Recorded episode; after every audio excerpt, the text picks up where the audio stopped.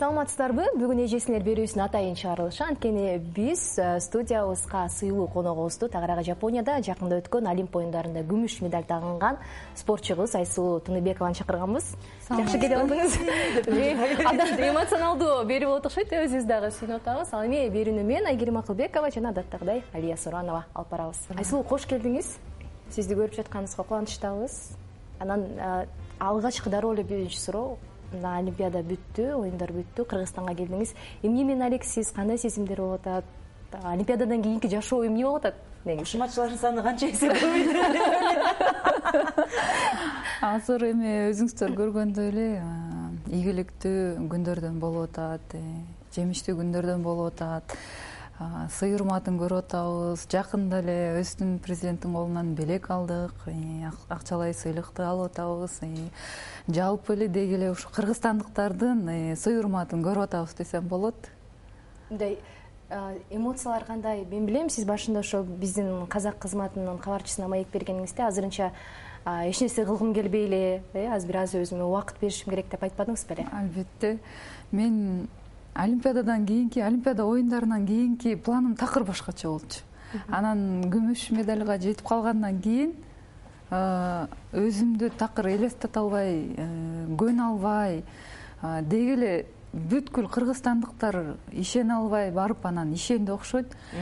Анан мен өзүңүздөр көргөндөй эле эмоциямды кармана албай сыртка дагы чыгып кетти. Көпкө чейин өзүмө келе албай ичимде катылган буктардын баардыгы ыза ичимдин ачышканы балкимдир бир ошо көз жашым менен чыгып кетти окшойт. Бирок мен жеңилдеп калдым.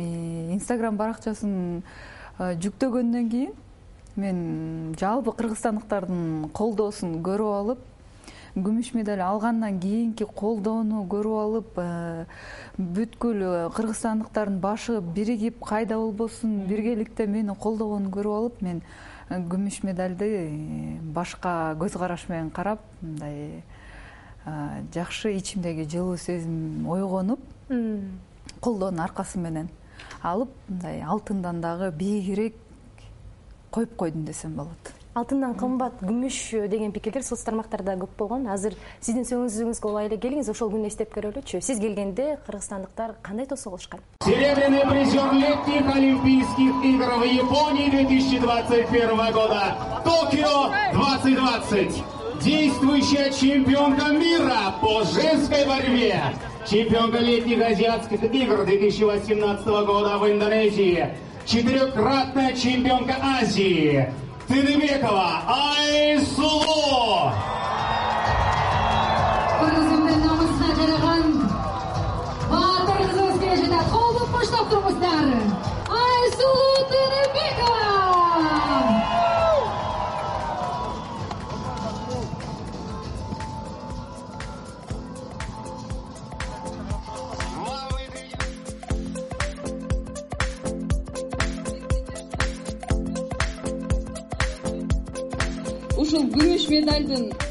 баасын утулуп калгандан кийин сезген эмесмин сиздердин колдооңуңуздарды көрүп мен кайтадан өзүмдүн маңдай жүзүмө күлкү маанайым ачылды ушул.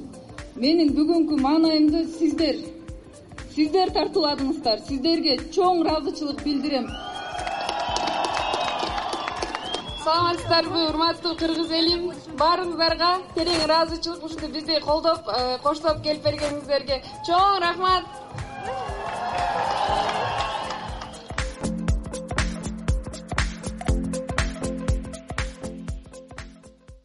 ушул аэропорттон ушу э, көп журналисттер түз эфирди көрсөттү эле көпчүлүгү да тартып чыгарышты. Сиз биринчи ушул апаңызды издедиңиз окшойт. Албетте апамды келип эле мен билгем келе берин карасам эле мамам менен папам жок анан издеп мындай аябай башкача болдум. Келбей калыштыбы же эмне болду экен деп эле мындай издеп мындай өзүмдү отуруп отурган учурда деле мындай ийненин үстүндө отургандай болуп элечи бошоно албай эле сарсанаа болуп эмне болуп кетти экен деп анан чалайын десем телефонумда единица калбай калыптыр да балансы анан. Симкаларды да калмаштыр ооба ооба анан кийин мындай эмне кыларымды биле албай эле анан биздин президент федерация динара штаевнага эле мамамдын номерин берип чалып билип бериңиз каякта экен деп анан чалып э, айтты эшикте экен деп. Кире албай калышкан окшойт балкимдир анан дароо эле алып киришти. Мамам менен бабамды көрүп алып эле мындай аябагандай сөйүндүм э, мамамды сезип аттым канчалык кыйналып канчалык тызылдап атканынчы.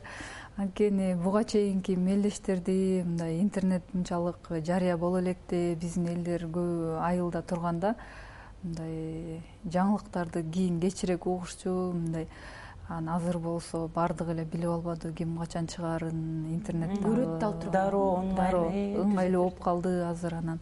Айтпай деле кетип калчумун мен ушу мамамдар кайгырып калбасын кечке ойго батып калбасын деп анан сезип аттым мен алыста болсом деле эне болгондон кийин мен кыйналып атканымды айтпасам деле билип коет сезип коет кызым эмне болуп атасың баары жакшы болот деп кайта мени мындай мындайча айтканда дух берип мени мындай кызым жакшы болот деп жакшы умтулууга ишеничке багыт берет да. Мына ушул нерсе сиз үчүн да маанилүү болсо керек.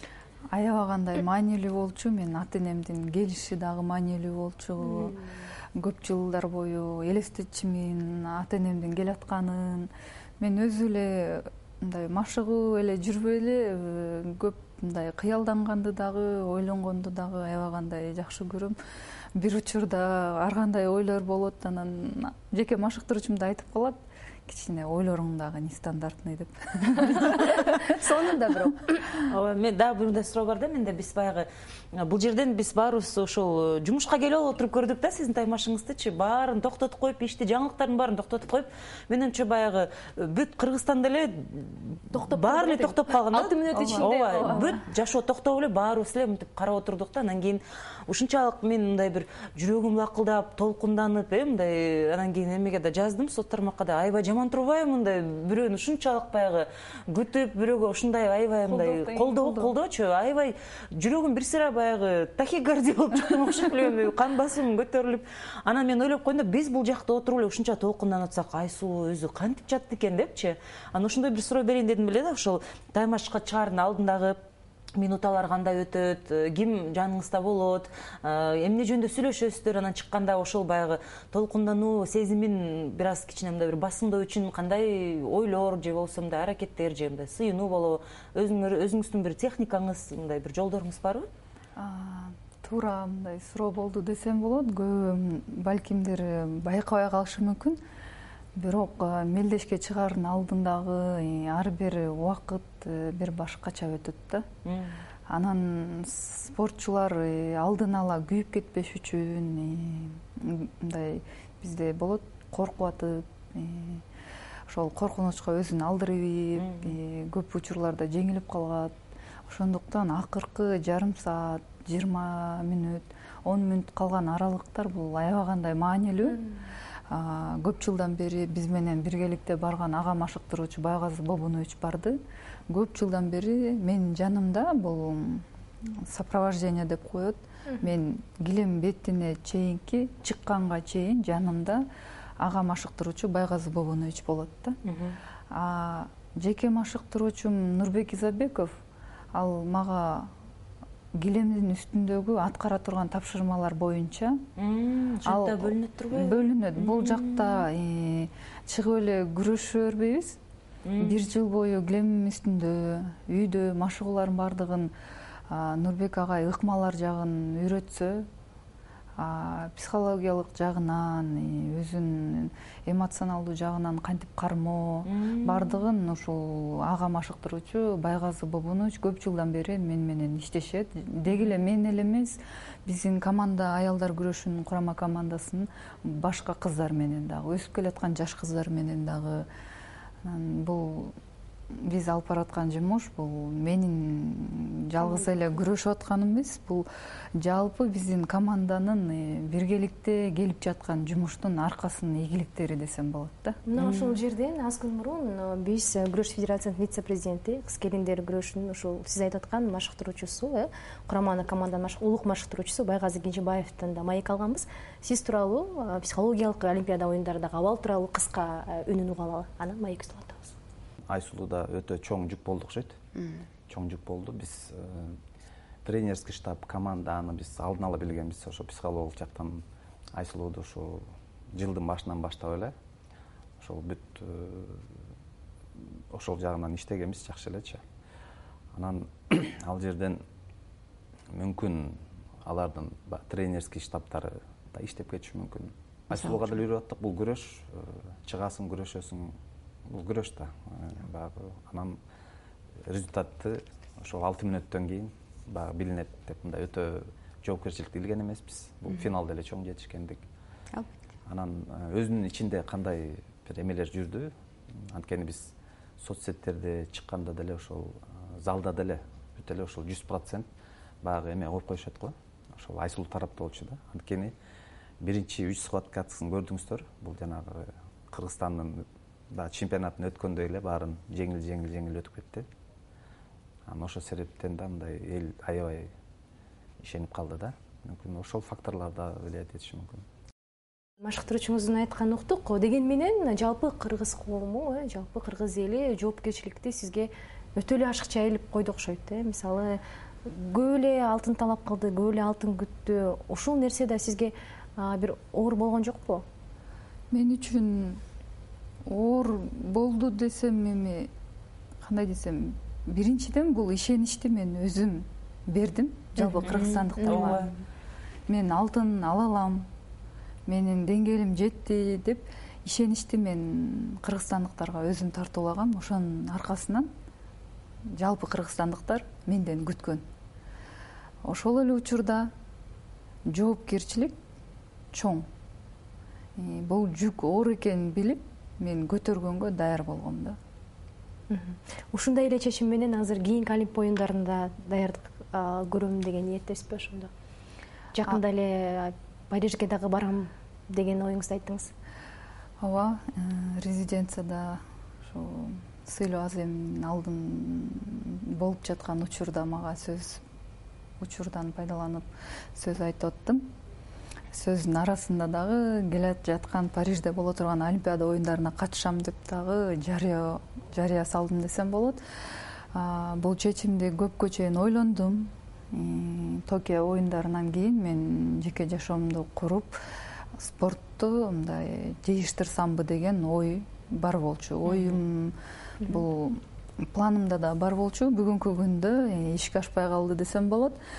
Анан туура ойлонуп биргеликте командам менен чечим кылалы десем машыктыруучуларым айтты айсулуу бул сенин жашооң. Э, кандай чечим кылбасаң дагы сени туура колдойбуз.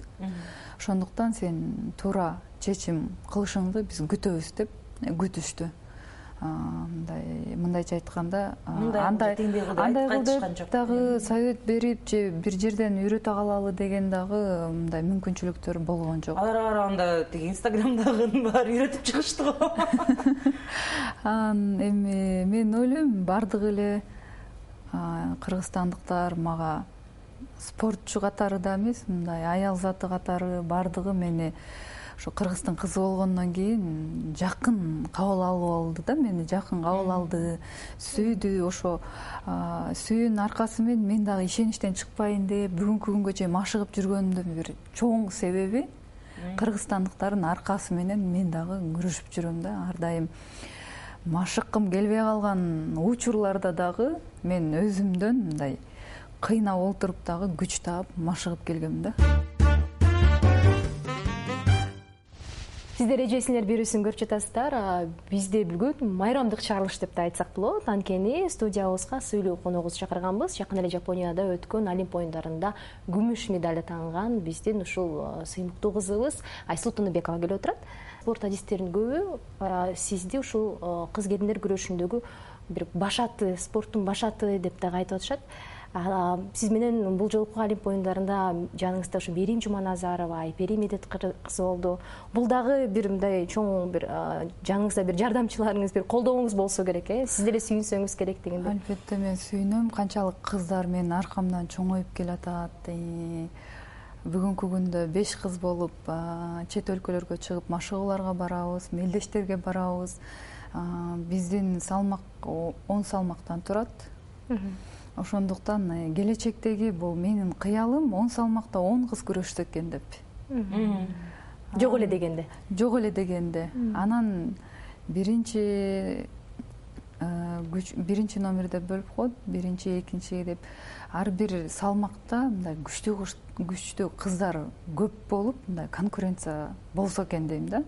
Анткени менин салмагымда мен жалгыз элемин мээримдин салмагында да жалгыз айперинин салмагында да жалгыз. Анан бизге мындай э, кыргызстандын ичинде бул конкуренция жок да. Анан канчалык конкуренция дагы өйдө болгон сайын кыздарда ошончолук күчтүү командабыз дагы. күчтүү болуп э, ушу жапон спортчунун э, командасы аялдар күрөшүндө курама командасы кубок мира бар бизде. Ал жыл сайын команда команда болуп мелдешип өткөн.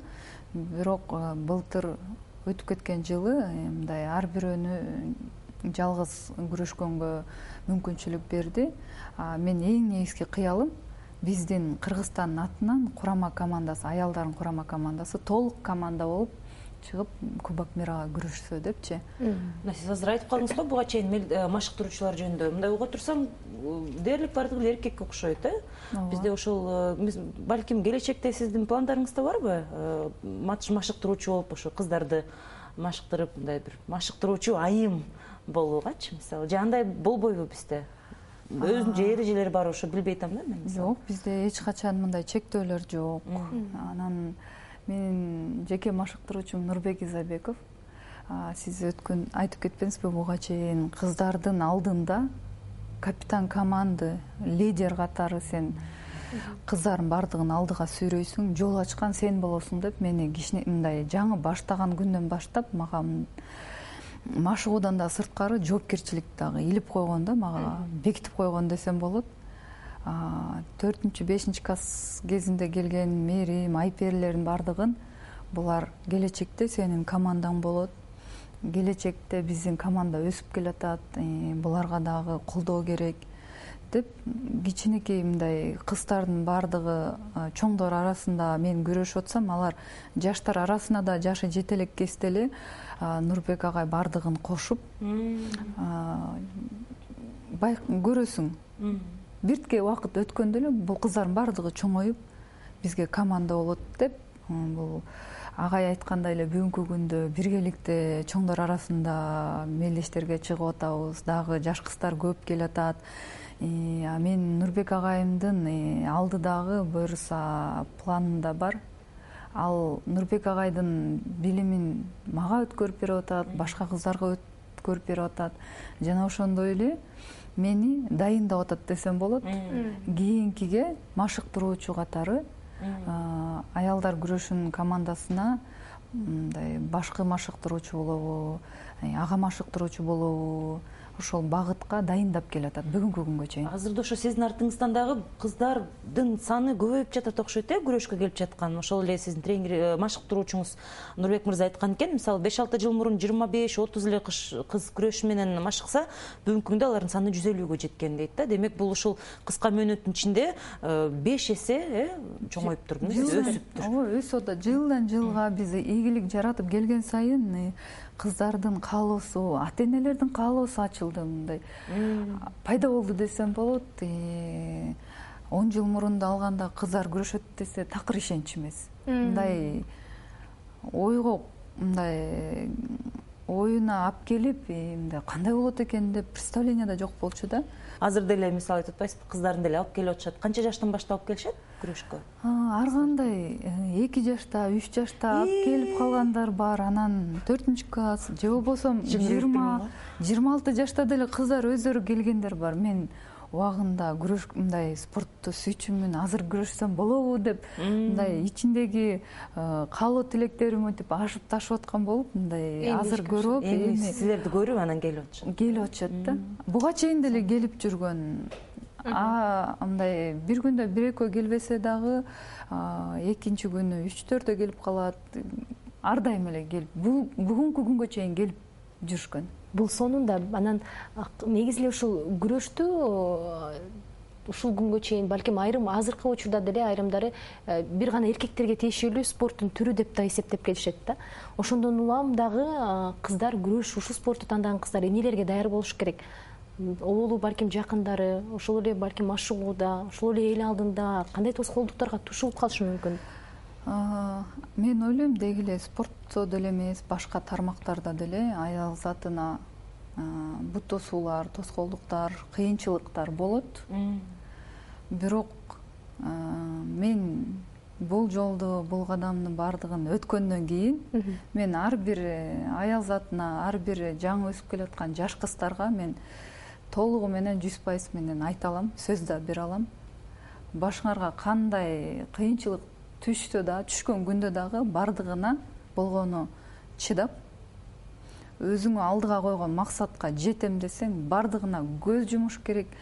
Эч кимге көңүл бурбай бир эле багытта максатыма жетем деген мындай үмүт менен эле эмгек кылыш керек да биз азыр э, буга чейин да эфирге чейин сүйлөшүп калбадыкпы? Биз мындай отуруп эле баягы сиздин килемге чыкканыңызды гана көрүп калып атабыз да даярданып мындай ушунча жолду өтүп.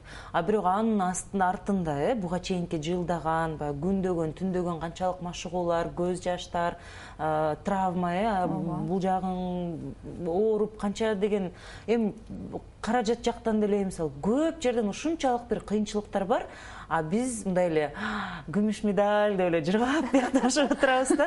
Артында канча деген мындай бир оор эмгек бар э. Ошонун дагы баарын басып өтүш үчүн менин оюмча адамдын өзүнүн дагы ошондой мүнөзү э, башынан ушундай мүнөз болуш керекпи же спорт ошондой мүнөздү адамдын ичинде ушундай бир жаратабы мүнөз э, мен ойлойм ар бир адамда өзү табият менен төрөлгөндө калыптана мүнөзү менен төрөлөт депчи ал эми спортто болсо мага чыдамкайлык болгонго мындай күчтүү болгонго тарбиялады десем жаңылышпайм да. Анан спортко чейин деле өзү мен жөнөкөй үй бүлөнүн кызымын кыйын күндөр башыбыздан өткөн. Ошондуктан мен спортко келгенде спорттогу болгон мындай көйгөйлөр кыйынчылыктар мындай көнүмүш адатка эле калыптанып калган да. Мисалы эми баардыгы ойлойт айсулуу келип эле чемпион болуп калган дейт эч андай эмес. Канча деген кыйынчылык күндөр болду ачка калган күндөр болду айлап эт жебеген күндөр нан жебеген күндөр жашаганга жериң жок болуп калган күндөр көчөдө калган күндөр кийейин десең кийимиң жок бизде жанагы килем атайын күрөшөлөрдө бут эмебиз бар биздин борцовка деп коет бут кийимибиз аны алыш үчүн акчам жок э, канча бир бут кийимимди канча жолу жамай берип жамаганга жери калбай калган бут кийимдерди деле кийип мен машыгууларды өткөн болчумун. Ошондуктан э, баардык нерсеге чыдаса болот экен. Адамдын адам өзү билбейт кандай кыйынчылыкка чыдай алат жана ошондой эле колунан канчалык ийгилик жаратканга ийгиликтерге жеткенге колунан келе турган канча ишти кыла аларына адам өзү билбейт. Ошондуктан адамда мындай ограничение жок да. Идеалдуу шартты күтүп отурбастан эле демек эч качан болгон шартта ошо өзүң эле болгон шартта баардыгын сен өзүңө условия мүмкүнчүлүк кылыш үчүн өзүң кылышың өзүң аракет кылышың керек. Эч качан бирөөдөн күтпөшүң керек. Бирөө айткан күндө дагы ии деп коюп бирок өзүң кылышың керек. Эч ким мындай жардам берип коем же болбосо дагы мен сен үчүн буну кылып коем деген сөздөргө дагы мындай аябаганда ишенип албай өзүң жеткенге аракет кылышың керек биз буга дейре бир аз тоскоолдуктар жөнүндө дагы анан ага кантип андан жеңиш керек аны өз максатына кантип жетиш керек ошол боюнча кепти баштадык. Негизи спортчу кыздардын тоскоолдуктары туурасында ачык бир мындай изилдөө иликтөө жүрбөсө дагы кыргызстандагы бирок ушул адистер дайыма айтып келет. Оолу ал жакындарыңан башталат деп. Мисалы досторуң ата энең бир бир туугандарың бул кыздарга бул жарашпайт кыздар назик болушу керек. э, кыздар андай э, билбейм бир э, кара күч колдонгон бир спортто болбош керек деген сыяктуу. Анан айсулуу мен ойлойм көп ушундай сөздөрдү угуп сынып да калышы мүмкүн да. Мисалы баардык эле адамдар сынып да калышы мүмкүн. Сиз айтып өткөн сөздөрдүн баардыгын мен өзүмө баардыгын эле бир эле эмес көп жолу уккан болчумун. Канчалык чемпион болсоңуз деле угуп дагы бүгүнкү күнгө чейин деле уга берет окшойсуз э мындай биздин айтыла берет болуш керек ошондой бир стереотиптүү сөздөр эми азыркы учурда андай стереотиптер мен ойлойм ийгиликтин аркасы менен уже жок кылдык десек болот. Жаңы баштап жүргөндө төрт беш жыл олимпиада он алтынчы жылы олимпиада оюндарына чейин аябагандай көп уктум десем болот мен мисалы байкап келем кыска кошуналар айтышат мисалы көчөдөн башталат. Көчөдөн чыкса мектептен айтылат э, ар кандай эжелерден агалардан айтылышы мүмкүн мага деле айтылып келген. Эң негизгиси бул жактан кыздарга ишеничти эрктүү үйүндөгү бир туугандары жана ата энеси колдоо көрсөтсө кыз баардыгын жеңип кетет экен да. Анткени мен үйүм үйдө ээн эркин чоңойгонбуз каалаганыбызды айтып сүйлөп каалаганыбызды кийип чоңойгонбуз анан ата энем ар дайым менин каалоом менен чечимим менен мындай эсептешчү күрөшөм деген чечимге да мен өзүм келгем. Мамам дагы спортко жакын э, үй бүлөбүздүн баардыгы бир туугандарыбыздын баардыгы спортко жакынбыз. Анан айылда турса дагы ата энем илимдүү билимдүү кишилер ошондуктан кошуналар айтабы же болбосо айлана чөйрөдөгүлөр айтып э, мугалимдер айткан күндөргө чейин болгон менде. Завучка чейин мени линейкага чыгарып ушул кыз баланчанын кызы тигил бизде мындай кечинде эртеден кечке жумуш кылып жүрүп кечинде бошоп кеч келип мен өзүм эле чуркап эле машыгуу кылып жүрчүмүн мен. Мындай эч кандай багыты жок эле.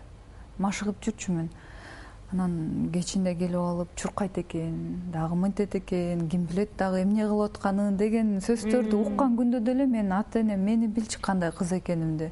Ошондуктан ар кандай айтып келген сөздөрдү элдерди четке кагып эле кызым сен кыйынсың деп эле үй бүлөдөгү үйдөн ишеним ишенимди ата энем ата энем мага колдоону ар дайым кылып келген ушу бүгүнкү күнгө чейин кылып келет да башкысы жакындарыңдан баары башталат деп атып албетте ушу мен ойлойм ар бир кызга ата энеси жакын болгондон кийин бир туугандары жакын болгондон кийин жаш кыздын шагын сындырбаш керек.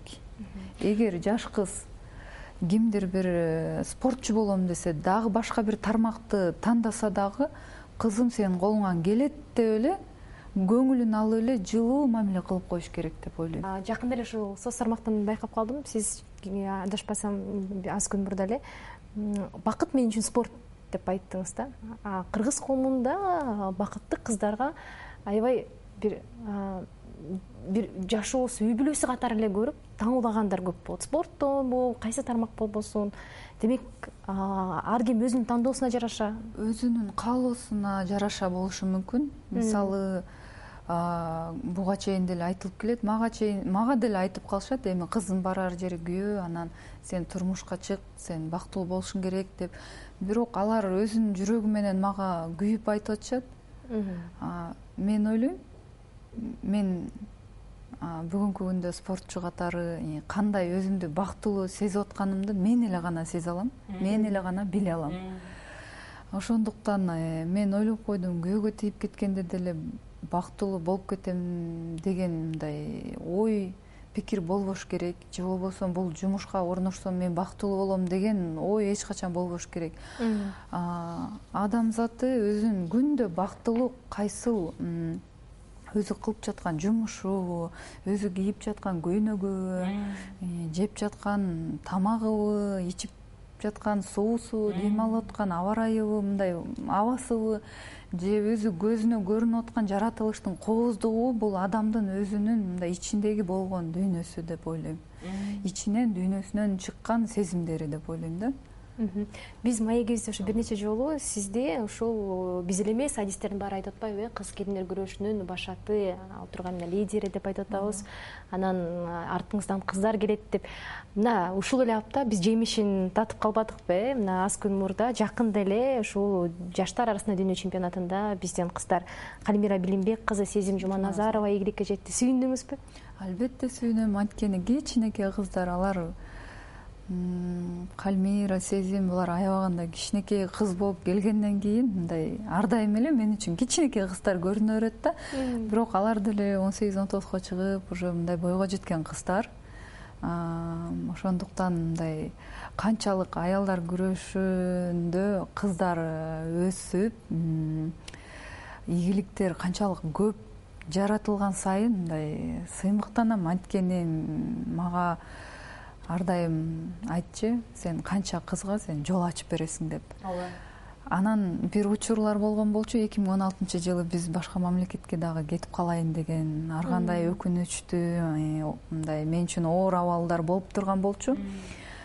Анан кетем мына мына кетем деген учурда менин жеке машыктыруучум айсулуу буга чейин дагы канча спортчулар кетип калып аткан эгер сен азыр сен кетсең сенин аркаңан эч ким чыкпайт сен ошону билип кой. Карачы аркаңда канча деген кыздарды сен ыйлатып туруп кетет белең ушулардын карачы көздөрү томуроюп мындай мындай мостойуп калтырып алып кете аласың аябай басым жасаганды билет экен э бияка мен жаман болуп кеттим.